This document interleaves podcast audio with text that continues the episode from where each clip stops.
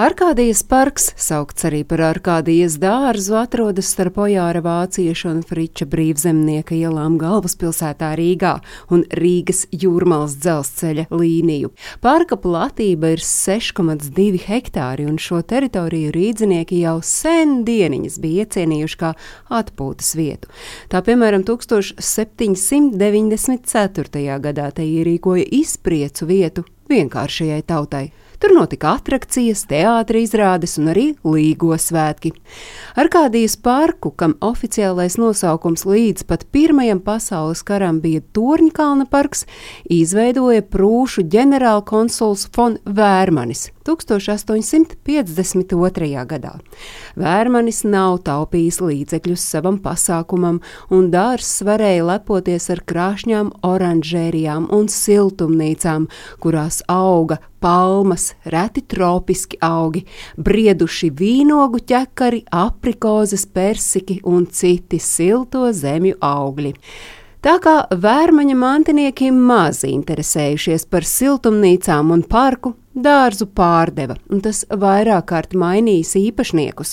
Līdz 19. gadsimta otrajā pusē to ieguvis tirgotājs Kleins, kurš parkā iedvesa citu dzīvību, ierīkojot tur restorānu, bumbotavu, teātri.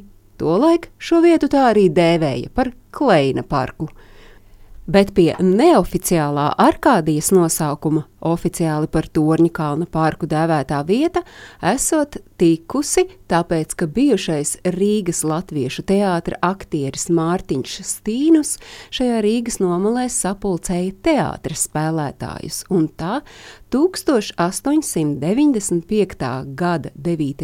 jūnijā te atklāja vasaras teātri, kam bija dots ārkādijas vārds. Pavisam 1895. gada vasarā teātrī Arkādija notika 11 izrādes. Vēlākos gados gan šeit teātra izrādes vairs nav notikušas. Tikmēr parks turpināja dzīvot. 1896. gadā parku nopirka Rīgas pilsēta, un tas piedzīvoja pārvērtības, jo pilsēta dārzu nopirka ar mērķi te ierīkot sabiedrisku parku.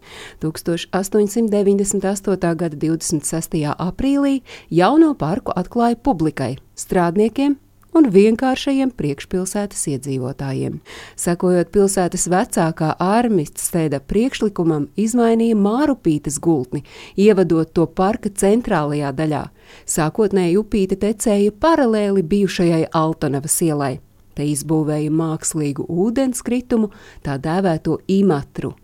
Gadsimtu mijā parku vēl paplašināja, ierīkoja celiņus, tiltiņus pāri mārupītei, daudzus kokus un krūmus izretināja vai nomainīja pret citiem.